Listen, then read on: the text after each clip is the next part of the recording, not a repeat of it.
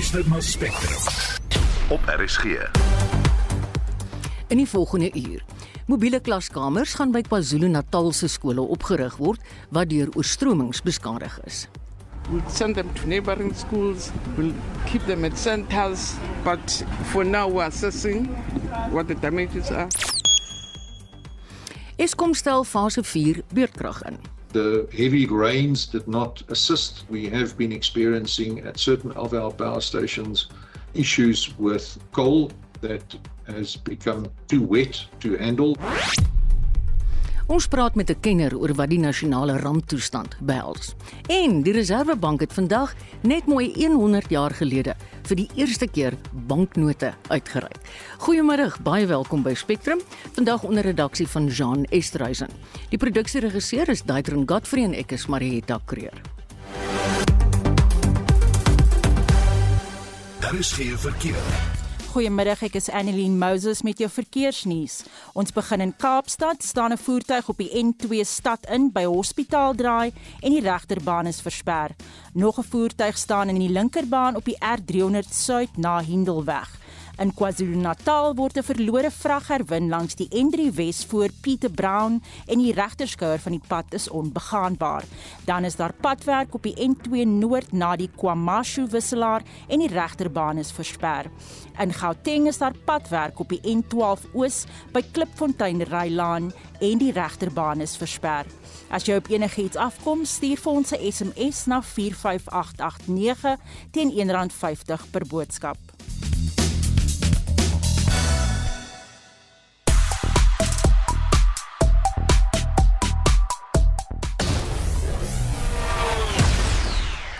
In vanmiddag se sport fokus ek op van die jongste ranglyste en puntelede. Ek is Shaun Jooste. Stage 4 is die hitsmerk waar daar steen en been gekla word nadat Eskom vanoggend fase 4 beurtkrag ingestel het. Load shedding is ook gewild en daar word gevra dat die kragsituasie tot 'n nasionale ramp verklaar word. Wat is jou verhouding met knoffel in die kombuis? Eet jy dit rou, braai jy dit, braai dit miskien totdat dit swart is? En wat maak jy dan nou met die ongelukkige asem na die tyd? Die tweede ding wat ons graag by jou wil weet, hoe voel jy oor die nasionale ramptoestand wat nou ingestel is weens die onlangse oorstromings in KwaZulu-Natal en die Oos-Kaap? Stuur gerus 'n SMS na 45889. Hy gaan jou rand 50 uit die sak jag of praat saam met ons op die Monitor Spectrum Facebookblad. En daar's 'n manier om vir ons 'n stemnota te los. Daai nommer vir 'n WhatsApp is 076 536 6961. Ek herhaal graag 076 536 6961. Spectrum, jou middagnuusprogram op RSG. Welkom terug, dis 7:30 minute oor 12. President Cyril Ramaphosa het weer 'n nasionale ramptoestand afgekondig na die vernietigende oorstromings wat KwaZulu-Natal en die Oos-Kaap getref het. Vir meer oor wat dit presies beteken, praat ons nou met die hoof van die Afrika Sentrum vir Rampstudies aan die Noordwes Universiteit, professor Dewald van die Kerk. Goeiemôre Dewald. Goeiedag Melie, hoe gaan dit? Nee, maar by ons gaan dit redelik, maar ek het 'n vermoede jy het 'n beter idee van hierdie ramptoestand as ons. Wat, wat beteken dit vir 'n gewone ou soos ek? Wat behoort ons te weet? Ek ek dink almal is nou heel vertroud met die nasionale ramptoestand na wat met COVID gebeur het. Maar ehm um, daar is sekere voorsienings in die wet wat definieer wat wat is 'n nasionale ramptoestand. So wat ehm um, ons tans mee sit is die definisie sê as een provinsie nie met die situasie kan of jy situasie kan hanteer deur hulle eie hulpbronne te gebruik nie dan eskaleer dit na nasionale vlak toe. En dis nou tipies wat ons sien wat hierso gebeur. Ehm um, KwaZulu-Natal het nie genoeg hulpbronne nie, hulle moes reeds hulp van buite af kry en daarom was daar herklassifisering deur die nasionale rampbestuursentrum wat dan vir die minister geadviseer het en die minister saam met die kabinet het besluit nee dit is nou geldig en daarom is daar 'n nasionale ramptoestand afgekondig vir die vloede in KwaZulu-Natal. Dit beteken nou nie hulle kan gaan regulasies maak vir wat toe van toepassing is op hele land nie. Dit is geografies gebonde. Goed.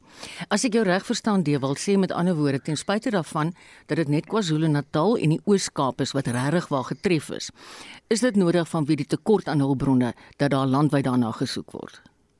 Dis reg. Goed. Ehm um, tipies wat ons nou sal sien is dat ehm um, die nasionale tesourie sal geld bewillig en daar sal 'n aanpassing binne die begrotings van provinsies en munisipaliteite gedoen moet word. Ehm um, en dit kan net gedoen word as daar 'n noodtoestand is van een of ander aard. En omdat dit nou soos jy sê op daai vlak is nasionaal, ehm um, is hierdie noodtoestand is dit nou noodsaaklik binne wetgewing om om dit ook gedoen te kry.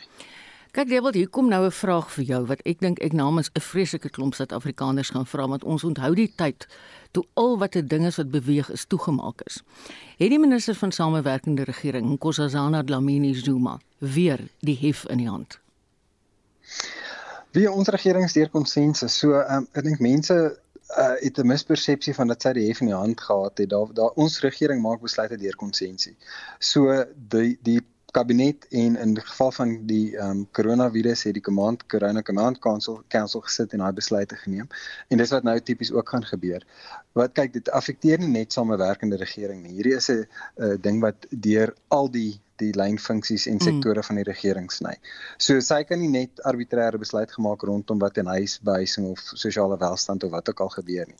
So daar sal 10 teen 1 soos met al die ander goeders konsensus bereik word, maar omdat die wet haar die verantwoordelike minister maak, word hierdie goeders onder haar handtekening daar buite gesit. Hmm. En ehm um, kyk die dieselfde reëls geld. Ehm um, enige regulasie kan gemaak word nou om die situasie te hanteer.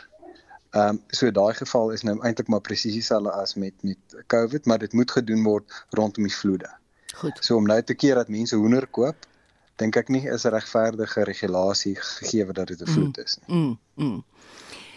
Ja, en ons het gister 'n storie gedra dat daar dat die drankraad gaan help daar met van die eienaars wat se voorraad weggespoel het. So kom ons hou maar duim vir sy maak daai nou nie ook weer toe nie. Hoe lank dink jy tipies die wat sal so ramptoestand nou duur gegee soos jy net gesê het hy's maar onlangs opgehef na hy in COVID tyd ingestel is. Ja, kyk die die redelikheidsbeginsel is die van um, van toepassing. Met ander woorde, binne 'n tydperk, wat kan hulle redelik doen? Ek sal verbaas wees as hy hernie word na hierdie 30 dae. Ek dink 30 dae is oor genoeg om te doen wat wat die provinsie en nasionaal moet doen om dinge in plek te sit. Uh ons sien dit tipies as daar 'n uh, ramp is wat wat baie vinnig gebeur wat op ons afkom dat dat so iets moontlik kan gebeur kan kan verklaar word maar ook die die wat ons noem die ehm um, die heropbouproses daarna vat lank, maar jy jy is nie nodig om in 'n ramptoestand te wees vir daai opbouingsproses nie. Mm. Ehm um, dit is tipies waar jou gebeurlikheids ehm um, fondse gebruik kan word waar jou normale heropbou gebeur waar munisipaliteite en die provinsiale begrotings herprioritiseer. So jy het, jy het glad nie nodig om in 'n ramptoestand te wees dan nie. Goed. Hierdie is maar net nou om te sê ons is nou in 'n in 'n situasie ons het boelbronne nodig kom ons kry dit mm. van die grond af en mm. ek soos ek sê as hy dit verleng na die volgende 30 dae sal ek regtig verstom staan. Dewald, ons het nou gisterand na die president gekyk. Ons het gehoor wat hy sê. Hy het onder meer gesê dit is totaal deursigtig hierdie fondse. Daar sal nie vasgelê word of wat ook al nie, maar dis asof ek die opmerking al van tevore gehoor het. Wie is presies in beheer? Wat sê die wet oor die fondse wat nou vir hierdie ramp beskikbaar gestel gaan word? Ja, uh, dis is altyd een van daai daai antwoorde wat geweldig moeilik is want, want jy wil mense vertrou maar hulle hulle wys ons altyd 'n uh, ander so, uh, ander storie. Kyk uh, wat nou gebeur is die die gebeurlikheidsfondse um, kan aangewend word deur sekere tenderprosedure te omseil en omseil nou maar in in aanhalingstekens dit klink vreeslik maar um, dit laat nie toe dat al vinnig goed gebeur kan word. Kom ons sê 'n voorbeeld, uh, gift of a givers het 'n uh, 'n grawe masjien of 'n graafmasjien nodig. Um dit hoef nie deur die hele tender prosedure te gaan om iemand aan te stel om die graafmasjien vir hulle te voorsien nie. So dit kan vinnig gedoen word. Dit is tipies hoekom daai voorsiening gemaak word. Aan die einde van die dag is die uh is die verantwoordelikheid nog steeds soos wat dit um in die um uh die Public Financial Management Act en die Municipal Financial Management Act vasgestel is. Daai mense is nog steeds verantwoordelik vir die die spandering van fondse en die om dit reg te mm-hmm. spandeer.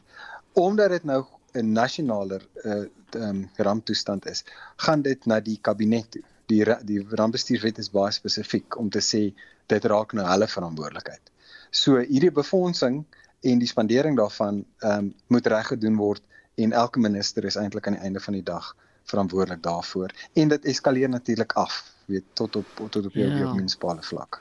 Dit wil verskoon Nou my die skep- bakstops daar. Ja, nee, verskoon my skeptisisme. Maar ek meen verlede jaar toe ons in 'n pandemie was, het die minister van gesondheid wat ons gesond moes kry en die hele toestand bestuur. 100 hy word daarvan beskuldig in elk geval dat hy 150 miljoen vasgelê het. Nee, ek ek stem absoluut saam met jou. Dit is wat kan 'n mens sê as die mense wat jy ingestem het nie na jou kyk nie en, en dat daar daar so gesteel en sulke korrupsie is. Um ek meen daar's daar's eintlik maar min wat 'n mens kan doen behalwe om daai mense aan die einde dag verantwoordelik te hou in 'n verkiesing. Nee, dis die waarop waarheid. demokrasie Mm. mm. dis op demokrasie neerkom, nê, in in die ideale wêreld. Maar ek dink daar is geweldig baie oë nou op hierdie op hierdie regering. Die mense is is moeg, almal reg hierdie bank is moeg. Ja. So kom ons kyk wat gebeur. Ek het nou klaar weer verslae gehoor van die die premier wat uh sommer water gaan aflewer by sy huis. Daar's miskien 'n goeie rede, maar wees deursigtig as jy sulke goeders doen. Ja. Weet dit, dit almal gaan nou klippe gooi. So en as die vergrootglas so groot op die regering is, sal ek nogal dink as ek 'n minister is, jo, weet, kom ons probeer nou maar die die kanale reg hou of oop hou en die lyne reguit Mm. trek en seker maak daar's deursigtigheid in wat ons doen. As jy dit nie doen nie, dan gaan dit ons mis in dieselfde situasie Ja, ja, ja. sit en ons gaan weer korrupsie sien en so ek weet nie ek ek is soos jy, 'n gewone stemmer so. Baie dankie. Dit was professor Dewald van Niekerk, die hoof van die Afrika Sentrum vir Rampstudies aan die Noordwes Universiteit. 'n Ander baie groot storie deesdae, skole in KwaZulu-Natal het vandag heropen. Volgens die onderwysdepartement in die provinsie is meer as 600 skole deur die oorstromings geraak. Die minister van basiese onderwys, Angie Motshekga, besoek skole in die provinsie. Sy sê verskeie maatreëls sal ingestel word, soos om leerders wat nie toegang het tot hulle skole nie tydelik by ander skole te plaas.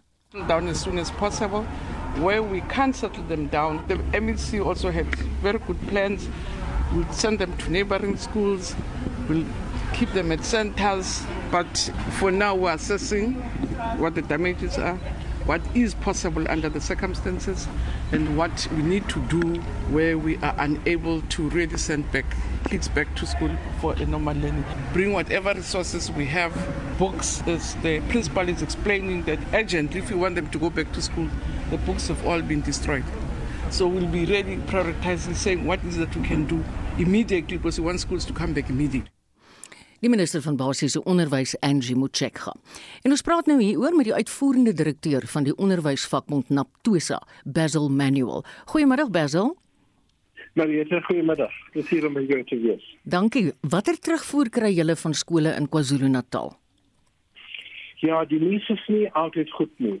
Uh alhoewel as ons na die volle prentjie kyk, is daar 'n 'n 'n klein hoeveelheid skole wat nou eintlik baie sleg getref was. As jy daaraan dink dat uh KwaZulu-Natal seker so 7 of 8000 skole het. Praat ons nou van 500 600 skole, maar dit is baie skole as as as jy net na daardie klein gebied kyk langs die kus. Ehm um, baie skole sleg beskadig. Baie mense het eers vandag uitgevind dat die skole wel beskadig is. Want aan die buitekant het dit nou goed gelyk, maar toe hulle die skole oopmaak vandag, was daar vloedwater in klasse, daar is beskadiging binne gedoen en hulle moes nou begin skoonmaak. En natuurlik is daar daardie daardie skole wat gebruik word uh om om vir behuising want uh, omdat so baie mense nou uh haweloos was was hulle nou by die skole mm. ingeneem omdat daardie geboue nog gestaan het. Nou moet ons eers plek kry vir daardie mense voordat die kinders kan terugkeer. So daar is baie dinge wat wat terselfdertyd gebeur. Ons ons beraam dat daar so om en by 250 000 leerders nie op skool is vandag. Goed. Basil Naptosa vra ook dat sielkundige hulp verleen moet word beide aan leerders en onderwysers. Dis uiters belangrik. Ek wil dit ook nie eens groter maak as wat dit is nie, maar daar is veel meer mense as net kinders wat dit nodig het. As jy nou daaraan dink, is daar deur duisende leerders wat vandag terugkeer en hulle maatjies is nie meer daar nie.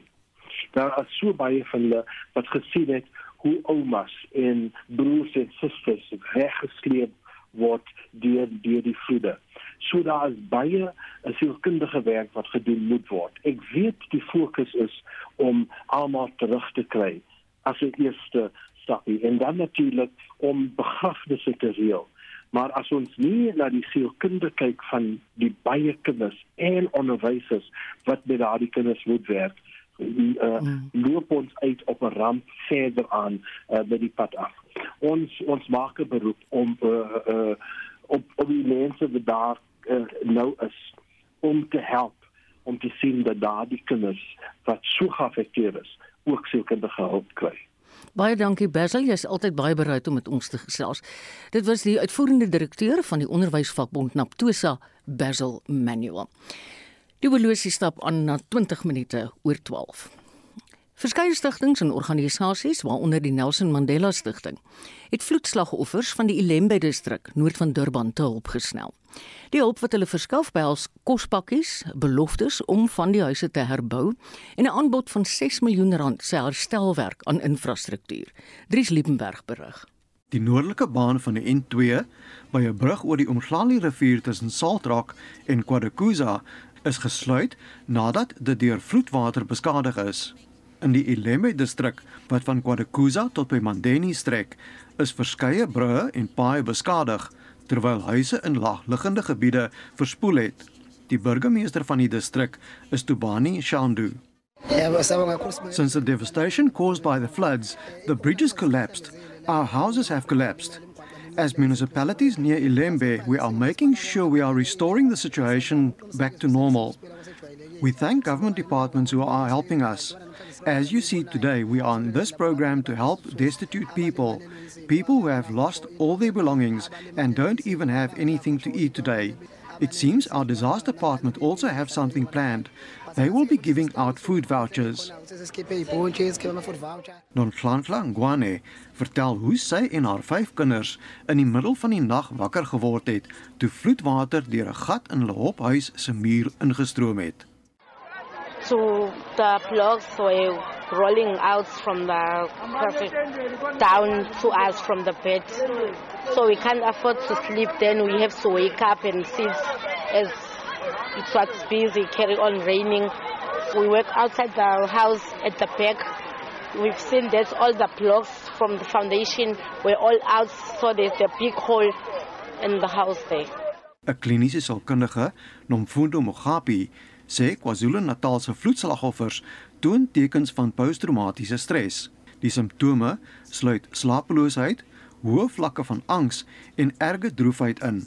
Mogapi sê na 'n ramp moet daar nie van mense se sielkundige behoeftes vergeet word nie. And what we were saying was you could fix the external stuff, but as long as the internal is not fixed, it will, it will spoil the external. So it's really important to do both. And people are really, really struggling. There's a lot of unresolved grief that is coming, a lot of anger and frustration at, you know, delayed assistance that they are looking for. And people are just hungry. That's what they are saying to us. Like they are hungry. They just want food. KwaDokuza se burgemeester, Lindy Naka, sê munisipale werkers is besig om elektrisiteit en watertoevoer te herstel. Sy sê hulle grootste uitdaging is om tydelike behuising te verskaf aan mense wat dakloos gelaat is en tans in sale bly. Ek is Dries Liebenberg in KwaDokuza. Jy luister na Spectrum op RSG. En nou 'n baie interessante bydrae. Die Suid-Afrikaanse Reserwebank het vandag presies 100 jaar gelede vir die eerste keer banknote uitgereik. Ons praat nou met die programbestuurder vir geldeenhede by die Reserwebank, Melanie De Jager. Hallo Melanie. Goeiemiddag Marita en middag aan al die luisteraars. Verduidelik asseblief vir ons, wat is die Suid-Afrikaanse Reserwebank se mandaat? Met betrekking tot fisiese geldeenhede is die mandaat van die Suid-Afrikaanse Reserwebank om genoegsaam voorraad van fisiese banknote en munte te vervaardig, uit te reik en dan ook te vernietig vir die burgers van Suid-Afrika. En dis met ander woorde nie soos wat hulle in 'n buurland maak, hulle druk net meer nie. Nee, definitief nie. Uh, een van die belangrike punte is ook om seker te maak dat ons die aanvraag vir banknote en munte streng dophou ja. en dan seker te maak dat daar genoeg voorraad is vir die gebruik van die publiek. Melanie, die Reserwebank sê die vervalsing van sy geldeenheid kom relatief min voor. Hoe is dit? Dit is absoluut die waarheid. In terme van internasionale syfers is ons vervalsingssyfer baie laag. Om jou 'n idee te gee, ons kyk op hierdie stadium na vervalsingskoers van omtrent 5.2 banknote per miljoen eenhede wat in sirkulasie is. Die wêreldgemiddeld is tussen 50 en 100 vervalste banknote per geldeenheid per miljoen eenhede in sirkulasie.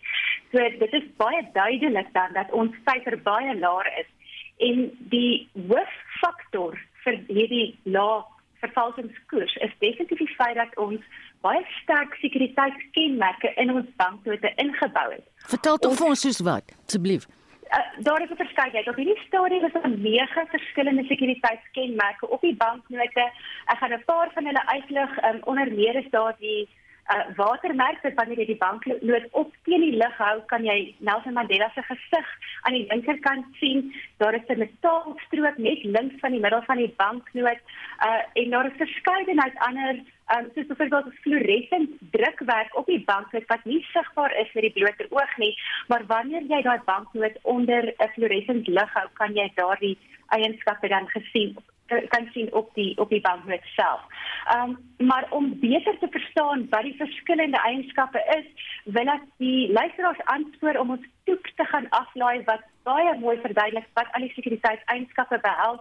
Dit is op die Apple iStore beskikbaar sowel as die Google Play Store en die toep se naam is Saab Currency. So dit is S A R B Currency. Dit is 'n baie oulike toep wat vir enige ouderdomsgroep meer van banknote leer en dan natuurlik al die sekuriteitseienskappe van 'n banknote kan uitlig. Dit is verskriklik interessant.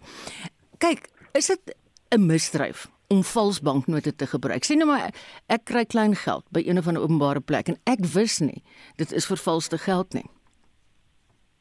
Dit is definitief 'n misdryf om vals banknote te vervaardig en te gebruik. En daarom wil ons die publiek baie sterk aanraai om wanneer transaksies met kontant uitgevoer word, wanneer jy daai klein geld kry by 'n teller of by 'n persoon, maak seker dat die banknoot wat jy van daardie persoon af ontvang wel 'n uh, banknoot is wat deur die Suid-Afrikaanse Reservebank uitgereik is en hierdie sekuriteitseienskappe bevat. As jy daai banknoot neem wat vervals is, dan is jy die persoon wat die verlies gaan ly. Um dit is totaal onwettig om met vervalste banknote te handel en wanneer so iets onder jou aandag kom, wil ons jou aanspoor om dit by die naaste polisiestasie te gaan aangee sodat die saak ondersoek kan word. Ja, ding is heel ernstig hè. Melanie, as jy nou moet skat, hoe lank dink jy gaan kontant nog relevant wees in die digitale era? Marita, dit is 'n baie interessante vraag en 'n vraag wat ons baie gereeld moet beantwoord. Die feit van die saak is kontant gaan nog vir baie jare relevant bly. Veral in ontwikkelende ekonomieë soos ons eie en in die res van Afrika is daar 'n baie groot gedeelte van ons populasie wat nie toegang het tot digitale betalingsmetodes nie. Mm. En vir daardie rede is daar nog 'n geweldige groot aanvraag vir fisiese kontant vir transaksionele doeleindes. So ek kan nie sê die aantal jare sê nie, maar ek is baie seker daarvan dat dit nie in jou my of ons kinders se generasie gaan wees wat kontant totaal sal wegval nie. Ja, dit is 'n baie interessante werk wat jy doen. Dit baie dankie vir die gesels. Dis Melanie De Jager. Sy is die programbestuurder vir geldeenhede by die Reserwebank. Nou, een van ons groot stories van die dag. Eskom het vanoggend fase 4 beurtkrag ingestel. Annelien Moses het die media konferensie dopgehou wat kort voor Spectrum gehou is. Die bestuurshoof van Eskom, Andrei de Ruyter, het erken dat die stand van sake teleurstellend is. The load forecast for peak this evening is 29,988. So there is a significant shortfall in available generation capacity, and we therefore have no alternative but to implement uh, stage four load shedding to shed about 4,000 megawatts of demand in order for us to safely navigate through uh, the current demand on the system in order to prevent a total collapse of the system. De Ruiter sê die deurdringende reën oor die Paasnaweek het verdere probleme tot gevolg gehad. We have been experiencing at certain of our power stations uh, issues with coal that has become too wet to handle and uh, when the coal is fed down the chute into the boilers, it tends to uh, cause blockages and it tends to stick. And uh, this has uh, caused us to suffer some load losses. In other instances, we were just not able to bring back units as planned. Hy het ook weer die vinger gewys na munisipaliteite wat Eskom geld verskuldig is.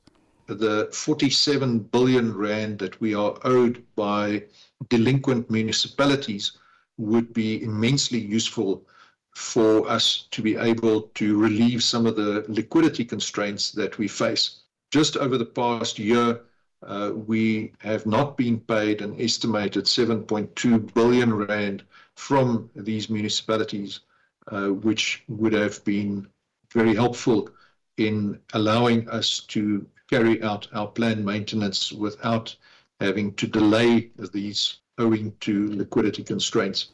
Die groep hoof van opwekking by Eskom, Philip Dukashi, sê die situasie sal hopelik verbeter binne die volgende paar dae.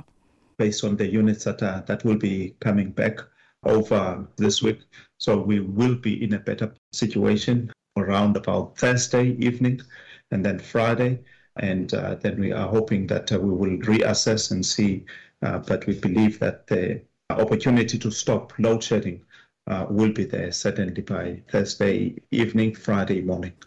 Dit was Philip Dukashi, Eskom se groephoof van opwekking. Ek is Annelien Moses vir SAK nuus. Spectrum, jou middagnuusprogram op RSG. In vandag se program, die toerismebedryf se inkomste uit verblyf het in Februarie aansienlik toegeneem. En twee reuse in wêreldsokker kom vanaand teen mekaar te staan. Ons nooi jou om ingeskakel te bly. Daar is geen verkeer. Ons begin in KwaZulu-Natal. Daar was 'n botsing op die N2 suid voor die EB Kloetewisselaar en die linkerbaan is versper. Daar is padwerk op die N2 noord na die KwaMashu wisselaar en die regterbaan is gesluit. In Kaapstad was daar 'n botsing op die R300 suid voor van Riebeekweg en een baan is versper. Nog 'n voertuig staan in die linkerbaan op die R300 suid na Hindelweg. Dit was dan jou verkeersnuus vanmiddag hier op Spectrum.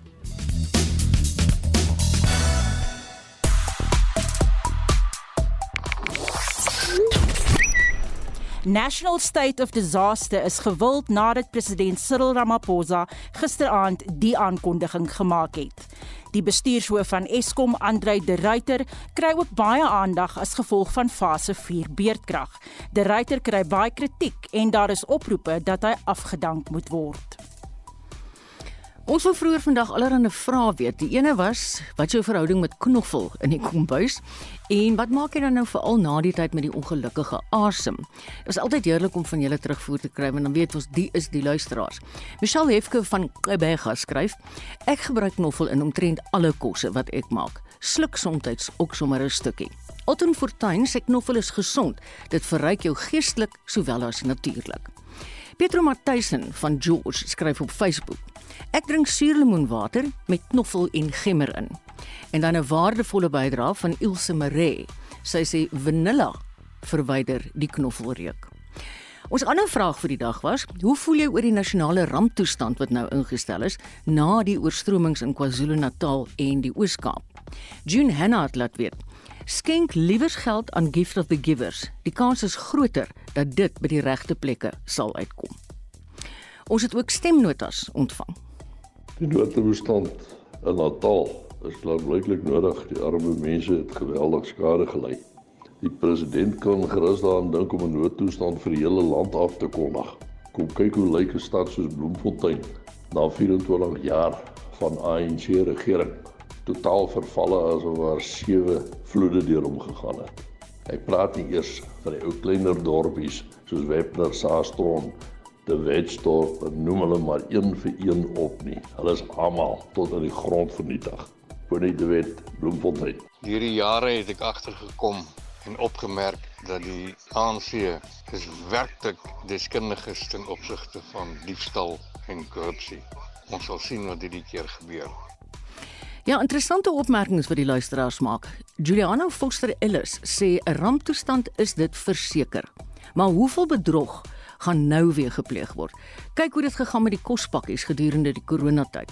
So, wat gaan nou hier gebeur? En die infrastruktuur, sal dit ooit weer heeltemal opgebou word? En dan 'n interessante een van Jack Pinaar. Nog 'n meevallertjie vir sommiges. Baie dankie vir julle terugvoer en saamgesels.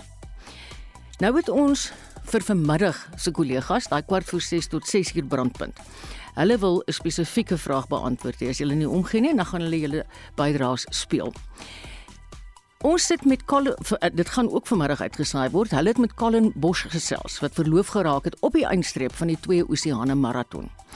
Nou vra Justin hulle, vertel ons tog van jou verloving. Hoe spesiaal of vreemd was die manier waarop jy die ja-woord gevra het?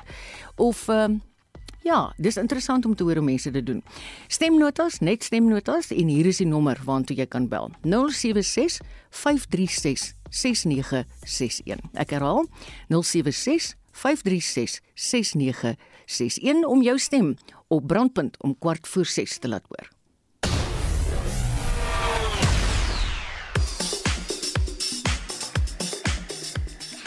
Sportverslaggewer Shaun Jooste het die jongste ranglyste en puntelere. Ek val weg met rugby nuus. Die Blitsbokke bly nommer 1 op die wêreld se was punteleer na 6 rondes, maar na twee teleurstellende naweke en nog 3 rondes wat oorbly, lê daar nog baie harde werk voor. Suid-Afrika staan op 111 punte, Argentinië is tweede op 105, Australië derde op 100 en die VSA bietjie verder terug in die vierde plek op 70 punte. Die Cheetahs bly die voorlopers in die Curriebeeker reeks na 7 rondes en staan nou op 31 punte. Die Bulle is kort op hul hakke op 30 punte en die Haie en Griquas is derde en vierde op 22 en 20 punte onderskeidelik. Oor na die sokkerveld. Mamelodi Sundowns is baie naby aan 'n vyfde agtereenvolgende DStv Premier Liga titel met nog 5 rondes wat oorbly. Hulle het 57 punte en is 13 punte voor Royal AM op 44 in die tweede plek. Cape Town City is nou derde op 40 en Kaizer Chiefs vierde op 39 punte.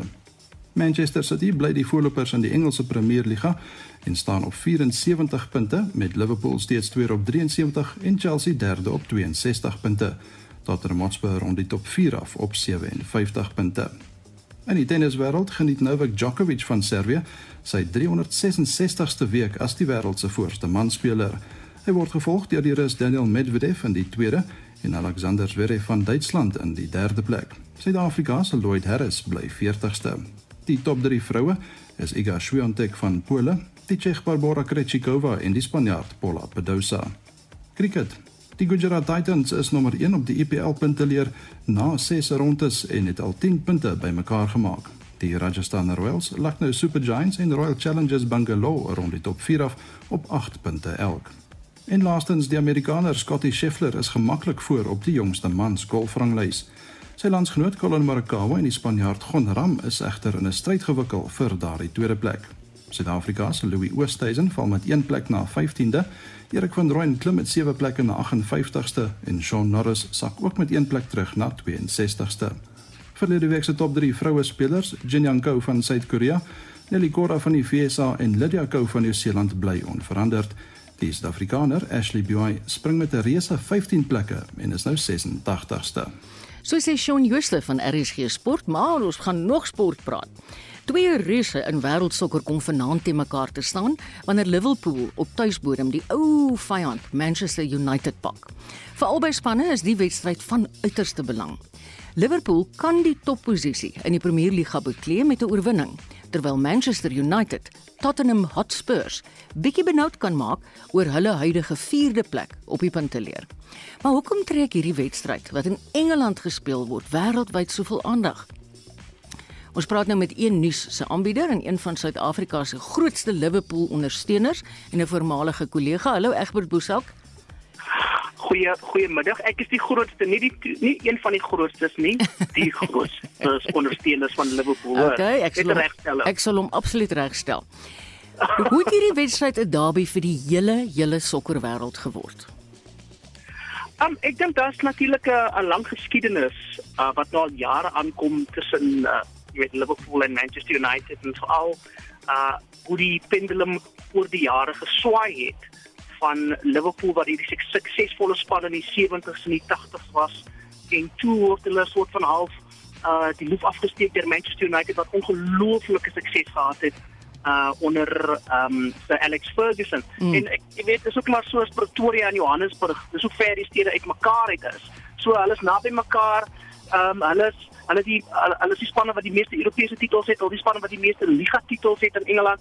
So daar's 'n groot wedywering tussen die twee spanne en ek dink op die stadium uh vanaand gaan alle oë natuurlik wees om te sien wat Liverpool gaan maak want ek dink dit is amper belangriker vir hulle om te wen mm. as Manchester United. Kyk, Liverpool is seker een van die gunstlinge na die seisoen wat hulle so ver agter die rug het en die feit dat Liverpool die naweek ook 'n plek in die FA beker verseker het. Ja, en ek weet daar's mense wat sê mens moet dit nie noem nie en hulle afrigter Jurgen Klopp het ook al voorheen gesê hè dat dit onmoontlik is om 4 trofees uh in een seisoen te wen, maar dit is die realiteit van Liverpool. Hulle is in die eindstryd van die FA beker. Hulle kan die Euro Europese kampioenligga wen. Hulle kan die Engelse liga titel wen want hulle is net 1 punt agter Manchester City en hulle het al reeds die Engelse liga beker gewen.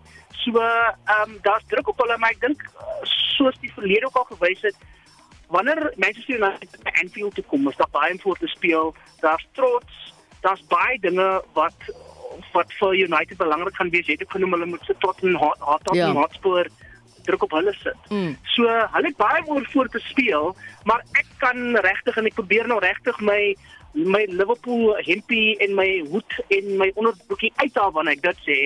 Ek kan nie sien dat uh, dat Manchester City Manchester United vanaand enige sukses gaan behaal nie. Ek hou veral van daardie onderkleed wat jy genoem het. Baie dankie vir jou tyd. Dit dan die een nuus aanbieder en een van Suid-Afrika en nee, die die grootste Liverpool ondersteuner, Egbert Boesak. Jy luister na Spectrum. Op RSG. Ja, welkom terug. By ons is nou so 18 minute voor 1. Die omvang van oorstromings die afgelope paar jaar is 'n teken van klimaatsverandering, of althans so sê die minister van samewerkende regering, Dr Nkosazana Dlamini Zuma. Jean Marie, sy spreek op die oomblik die media toe oor die nasionale ramptoestand wat gisterand deur die nasionale regering ingestel is, né? Nee? Dis reg, Marieta. Kom ons hoor wat sy sê oor klimaatsverandering. The scientists have been telling us that the eastern part of the country is going to be wetter and we'll have frequent floods. The western part of the country is going to be drier and we'll have frequent droughts. And maybe we thought it's something that's still in a distant future. But if we look at what has happened just over the last five years in KZN, we had floods in 2018, we had floods in 2020, and we have floods now in 2022. And of course, each flood gets worse than the previous one. So clearly, climate change is with us. Nou ja, Dlamini Zuma sê dit moet in ag geneem word uh, tydens die herbouing van infrastruktuur in KwaZulu-Natal. As we build back, we should be building back better. So nobody should build back in the riverbanks and also in floodplains, but also in some of the areas which are just geographically not right for residential areas. So it means as we build back, we must build better.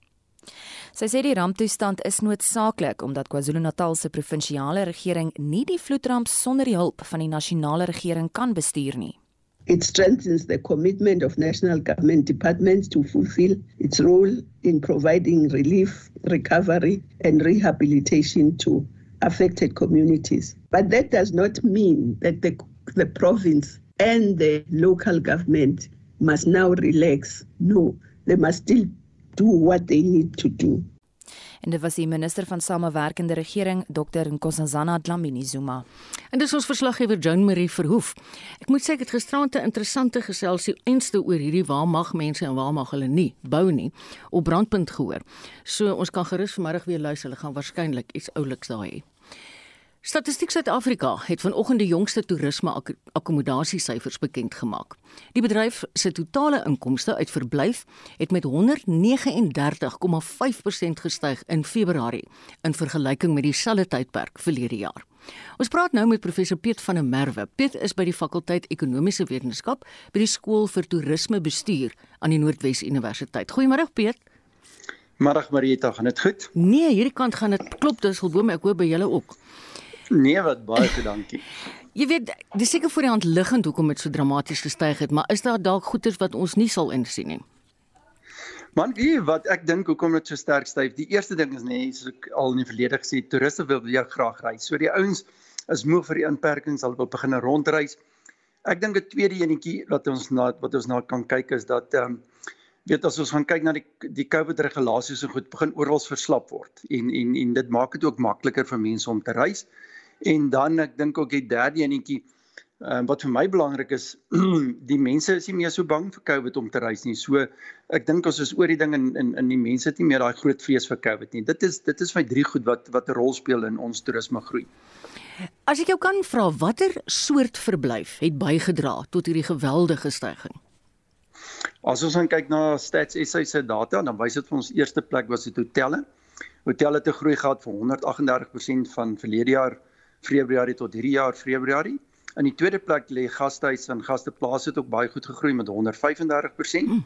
Ehm um, en dan ander akkommodasie wat ek nou dink insluit want hulle sê spesifiek daaroor watter plekke word insluit maar ek dink dit kan Airbnb en daai tipe van akkommodasie wees is in die derde plek. So daar's daar's regtig 'n baie mooi groei in die akkommodasie en soos ek laas gesê het, ehm um, ou kan dit sien ook by dat die mense wil nie meer na plekke gaan waar baie mense is nie mm. en dis kom hierdie gastehuis en gasteplase het 'n gewellige mooi groei ook gewys.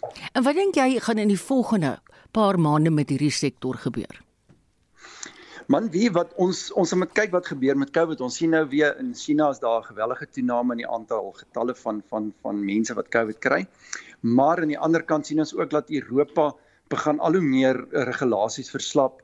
Jy hoor al hoe meer van lande wat totaal al amper wegbeweeg van maskers. Ek het vanoggend op die nuus ook gesien dat daar selfs ehm um, weet ligrederye wat wat sê hulle dat se meer nodig vir ouens om hm. maskers te gebruik en as hulle vlieg nie. So ek ek is net positief. Ek dink ons ons beweeg in die regte rigting en ek ek verwag dat ons toerismebedryf al hoe meer sal groei in die komende maande. Ja, ek het die hele tyd van COVID gedink ehm um, die toerismebedryf, die gasvryheidsbedryf en ek dink kunste in my opinie ja, het die ja. meeste swaar gekry in daai tyd. So ek ja, is baie bly ja, vir die mense dat geld inkom. Nou wil ek jou vra ja. Piet, hoe dink jy sal 'n natuurramp soos hierdie in in KwaZulu-Natal toerisme in daai provinsie raak? Man, ek dink dit gaan 'n impak hê, maar ek dink dit gaan so groot impak hê nie. Ek dink die die die faktor wat daar 'n rol gaan speel is as jou eie produk skade gely. Sê nou maar voorbeeld ek het 'n 'n resort of ek het 'n gasteplaas of iets en ek het skade gely, dan gaan ons obviously nie daar kan besoek nie, maar ek dink in die algemeen dis nie die hele area van KwaZulu-Natal wat wat wat wat beskadig is nie en en en die grootste paaie is weer oop. So ek dink wat die ouense besprekings of die plekke wat hulle bespreek het nie vloedskade het nie, gaan ons sien dat die mense reis ek kan nie dink dit gaan so groot impak hê nie. Ek is positief daaroor. Mm. ek is ek ja. is altyd positief. Ja. As ek iets geleer het in hierdie COVID tyd, is dit hoe Suid-Afrikaners bymekaar staan. En weet jy ja, mense ja. mense gaan KwaZulu-Natal ondersteun want hulle besef die mense het hierdie inkomste nodig. So ek voel ek voel baie ja. soos jy Piet. Dankie. Dit was professor Piet van der Merwe van die fakulteit Ekonomiese Wetenskap by die skool vir toerismebestuur aan die Noordwes Universiteit. 'n voortsleepende maar ernstige storie wat ons het. Die president van Oekraïne, Volodymyr Zelensky, sê Rusland se militêre aanval in die Donbas-streek het nou begin. Hy het in 'n boodskap wat oor die televisie uitgesaai is, gesê Oekraïne sal alles in sy vermoë doen om homself teen toenemende aanvalle te beskerm. Ten minste 17 mense is reeds dood in die Donetsk, Luhansk en Kharkiv gebiede. En geboue is ook deur missiele missiele beskadig in Lviv. Ons praat nou oor die situasie in Oekraïne met die politieke ontleder aan Unisa, professor Joansi van Wyk. Hallo Joansi. Goeiemôre Marita. Rusland het sy aanvalsgebied nou grootliks na die ooste van Oekraïne se Donbas verskuif. Hoekom is hierdie gebied so belangrik vir Rusland? Maar hierdie is 'n baie interessante gebied wat al menige leier um, op sy knieë gedwing het. Ons dink byvoorbeeld in 1941 toe Hitler met operasie Barbarossa um, Rusland wou binnegeval het. Nou die rede daarvoor is dat hierdie area is baie ryk steenkool um, produseerende area. Daar's geweldige groot nywerhede natuurlik daar ook. So dit is die ekonomiese belangstelling, maar dan nou ook die meer politieke belangstelling is dat Rusland dan nou oor tyd heen homself geag het as nou die heerser van hierdie gebied sedert 2014 2014 het hy dan nou gepoog om dan nou ehm um, 'n pro-Russiese sentiment in hierdie gebiede te te versterk en ons weet op die vooraand van hierdie huidige oorlog op 21 Februarie het Putin dan verklaar dat hierdie twee state of dan die gebiede Donetsk en Luhansk wat dan nou deel maak van die Donbas streek in die ooste van die land deel is of dan nou onafhanklike state is en sodanig hulle dan nou ken. Hmm. Maar maar dan nou ook die derde is is meer 'n strategiese uh, belangrikheid en dit is dan dat dit 'n landbrug basies vir Rusland gee tot by die Krimskiereiland aan die see van Azov maar ook dan aan die Swartsee waar dan 'n warmwaterhawe vir die Russiese vloot kan wees. Johansi, Ruslandse president Vladimir Putin sê die sanksies wat deur die westerse lande ingestel is benadeel eintlik ekonomieë in die weste want dit het nie 'n beduidende impak op Rusland nie. Wat moet ons lees in hierdie boodskap? Kyk, hy's enerzijds reg, want as mens dink, ehm um, volgens berigte het daar iets so 750 internasionale maatskappye reeds hulle sake opgeskort of dan onttrek uit Rusland uit. So dis 'n beduidende aantal besighede wat nou al klaar met met um, COVID en die tipe goeder sit. Aan die ander kant um, weet ons ook dat Rusland natuurlik nou ook maar bekend is dat hy baie kreatief omgaan mm. met sekere feite en natuurlik nou ook dan nou die openbare mening in sy eie land ehm um, ehm um, wil beïnvloed. Ons weet byvoorbeeld dat die Wêreldbank het dan nou onlangs die ehm um, groei en die ekonomiese vooruitsig vir Rusland aangepas ehm um, af ehm um, dit nou afgaan wees. Ons weet dan ook dat ehm um, Rusland kry natuurlik nog steeds voordeel uit die die gas wat dit aan Europa verkoop, mm. maar daar is natuurlik baie ander plekke wat um, Rusland dit alreeds uh, voel op die finansiële um, um, geld um, uitruil die sogenaamde SWIFT stelsel. Ons weet ook dat individue is onder geweldige sanksies en dat hierdie oorlog definitief um, vir Rusland kos in terme van rand en sent. Ja, ons sien die FSA se president Joe Biden gaan nou vandag 'n gesprek voer met vennote om opsies te bespreek hoe om Rusland verder te isoleer. Behalwe sanksies teen Rusland, wat se ander moontlike opsies kan hulle oorweeg? Kyk, um, goed, die die ekstreme een is natuurlik om om voort te gaan met 'n volskaalse oorlog, mm. maar ons weet dat hierdie scenario is word dan ook op die oomblik ten alle koste um, probeer afweer van van die lande. Die ander kant is dan om meer geld basies in Oekraïne in te belê, baie met onlangs 800 miljoen ehm um, ek is nie seker presies van die bedrag nie, maar het hy dan nou weer hulp aangebied. Um, ander Europese lande is alreeds besig om 'n tipe van 'n solidariteit vir Oekraïne te vestig met die heropbou na die oorlog. Ons weet nog natuurlik nou nie wanneer dit is nie. Die ander um, opsie is natuurlik nou om met met met hom te onderhandel. Nou, hy's 'n koppige man wat nie noodwendig toegee nie. Hmm. Hy wil grondgebied hê. En natuurlik dink 'n mens dat uh, Oekraïne wat dit nou al 'n paar keer gesê het, by mond van sy president dat daar is nie 'n opsie om um, grondgebiede af te staan nie. Want dit gaan natuurlik weer eens 'n president vir Europa skep wanneer grondgebiede dan um, afge uh, uitgesny word wat is dan die volgende stap? En ek dink hierdie dierles sal Europa moet leer om dan um, ook 'n tipe van 'n wat genoem word 'n smart sanctions toe te pas op ander ja. maniere. En ek dink dit is die groot toets nou vir internasionale politiek om alles te doen kort voor oorlog. Ehm um, ehm um, en en dit is natuurlik nou wat wat hier aan ehm um, ter sprake gaan wees. Oekraïne het nou 'n voltooide vraelys aan die Europese Unie gestuur in 'n poging om te probeer om tog as kandidaat oorweeg te word by die EU. Hoekom is dit vir hulle so belangrik? Kyk as ons nou dink die hele omstandighede rondom 2014 se inval en die besetting van die uh, Krimskiereiland het plaasgevind in 'n tyd wat daar 'n geweldige politieke vakuum in Oekraïne was. Dit was die tyd waar daar 'n uh, referendum was onder Oekraïense burgers om dan basies 'n toenadering tot die Europese Unie te kan hê om dan nou lid daar kan te wo kan word en daar was natuurlik nou 'n pro-Russiese pro-westerse um, kant in hierdie tyd en die gevolge het dan nou hierdie vakuum geskep. So daar is 'n lang verlange by die Oekraïne se bevolking om nader aan die weste te kom. Maar ons weet dan dat dit is waar Putin se vrees lê, is dat hy wil juis hierdie deurgangsstaat hê en dan nou hierdie kulturele staat verwys na die Oekraïense bevolking as uh, soort van die gebroeders van die Russe en natuurlik nou hierdie hierdie hierdie poging om dan nou uh, by die Europese Unie in te kan sluit dit gaan dan nou baie ander hulpbronne vir Oekraïne oopmaak Mm. omdat dit dan binne die die ver, uh, verdrag van die Ja. Europese Unie kan plaasvind. Joansie baie dankie. Ons praat deesdae baie met jou en jy's altyd so bereidwillig. Dit was professor Joansie van Wyk. Sy is 'n uh, politieke ontleder aan Unisa. En ja, haar kennis oor daai situasie daar is verstommend. Vir die jongste sake nuus praat ons nou met Renier van Sail. Renier is 'n portefeuljebestuurder by Efficient Private Clients. Hallo Renier. Goeiemôre. En so kan almal wat luister. As ons wegspring met die plaaslike markte, sien ons dat uh, die plaaslike mark lekker sterk is vandag. Beide die alle aandele indeks en ons top 40 indeks is sterker met so 0.6% vir die dag. Nou hulle word hoofsaaklik oorgedryf deur ons hulpbronne wat 1.7% sterker is en ons banke is kort op 'n lakke, hulle is sterker met so 1% vir die dag. As kyk na die grootste wenners, sien ons dat uh, Gold Fields op is met 7.9% en Anglo Gold is op met so 5.4% vir die dag. As ons kyk na die grootste verloders, is Prosus daar met so 2.2%, dit natuurlik nadat Tencent sy grootste bate vanoggend so 2.4% laer gesluit het en uh, Capitec is laer met 1.8%. As kyk vir die rand gedoen het van vanoggend se vlakke, hy het 'n klein bietjie verswak, hy staan teen 14.85 teen die dollar, 19.34 teen die pond en dan so R16 teen die euro. En as ons kyk wat ons kommoditeite het, is die prys van goud 0.5% laer, uit op 1977 dollars per fyn ons. En die prys van Brent ruolie is 'n klein bietjie laer op 112 dollars per vatjie Brent. Die Amerikaanse markte het gisteraand basies plat gesluit en as kyk wat meeste Europese markte op die oomblik doen, verhandel hulle heelwat laer.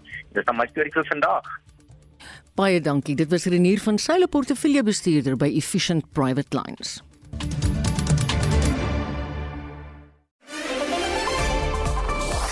Jacob Zuma wil sy dag in die hof hê. Hy wil vir almal bewys dat hy eintlik onskuldig is en hy niks verkeerd gedoen het. Monitor die nuusaktualiteitsprogram. Hierdie verhoor moes al 4 jaar terug afgeskop het en daar's nog steeds net uitstel na uitstel. Weeksoggende tussen 6 en 7. Oggendnuusaktualiteit op sy beste, net hier op RSG. Estie het vir ons die nuus en al die stories oor die afgelope uur dopgehou. Hallo Estie. Hallo Marietta. President Ramaphosa het 'n nasionale ramptoestand in KwaZulu-Natal en die Oos-Kaap verklaar na die vernietigende oorstromings in die twee provinsie provinsies. So wat 1 miljard rand is bewillig as hulpfonds aan mense in die provinsie en die leier van die Vryheidsfront Plus, Dr Pieter Groenewald, eis dat president Ramaphosa spesifieke maatreëls uitstippel om te verhoed dat die hulpfonds aan korrupsie blootgelê word. In die COVID-19 rampfonds het hy ook gesê dat hulle sal voorkom dat korrupsie plaasvind, maar almal weet dit het wel plaasgevind. Die kuponstelsel in beginsel het die Vryheidsfront Plus nie 'n beswaar nie, maar dit is juis een van die geleenthede waar korrupsie plaasvind, waar amptenare wat die kupons moet hanteer, omgekoop moet word om sodanige kupon te bekom. Nou meer as 600 skole in KwaZulu-Natal is deur die oorstromings geraak, maar skole in die provinsie het vandag weer heropen. Die uitvoerende direkteur van die onderwysvakbond Naptosa, Basil Manuel, het vroeër in Spectrum aan ons gesê sowat 250 000 leerders word deur die ontwrigting by skole geraak. Die Suid-Afrikaanse Reserwebank het vandag 100 jaar gelede die eerste keer banknote uitgereik. En die Reserwebank sê die Suid-Afrikaanse rand word selde vervals as dit met ander internasionale tendense vergelyk word. In Brandpunt om kwart voor 6 praat Colin Bosch oor die oomblik toe hy sy vriendin Sharon die ja-woord gevra het tydens die twee oseane maraton die afgelope naweek. I just decided that she was running her 29th Two Oceans Marathon and I was running my 20th, and that it would be quite fitting to pop the question on the finish line. En 'n monitor môreoggend berig ons hoe Europese lande poog om 'n stortvloed Oekraïense vlugtelinge te huisves en te versorg. Baie dankie, dit was Estie de Klerk. So dit vir ons tyd geword om te groet namens ons uitvoerende regisseur Nicoline de Wee, redakteur vandag Jean Esterhuizen, produksieregisseur Daitrin Godfrey. Ek groet tot 3uur, geniet jou middag in die geselskap van 360.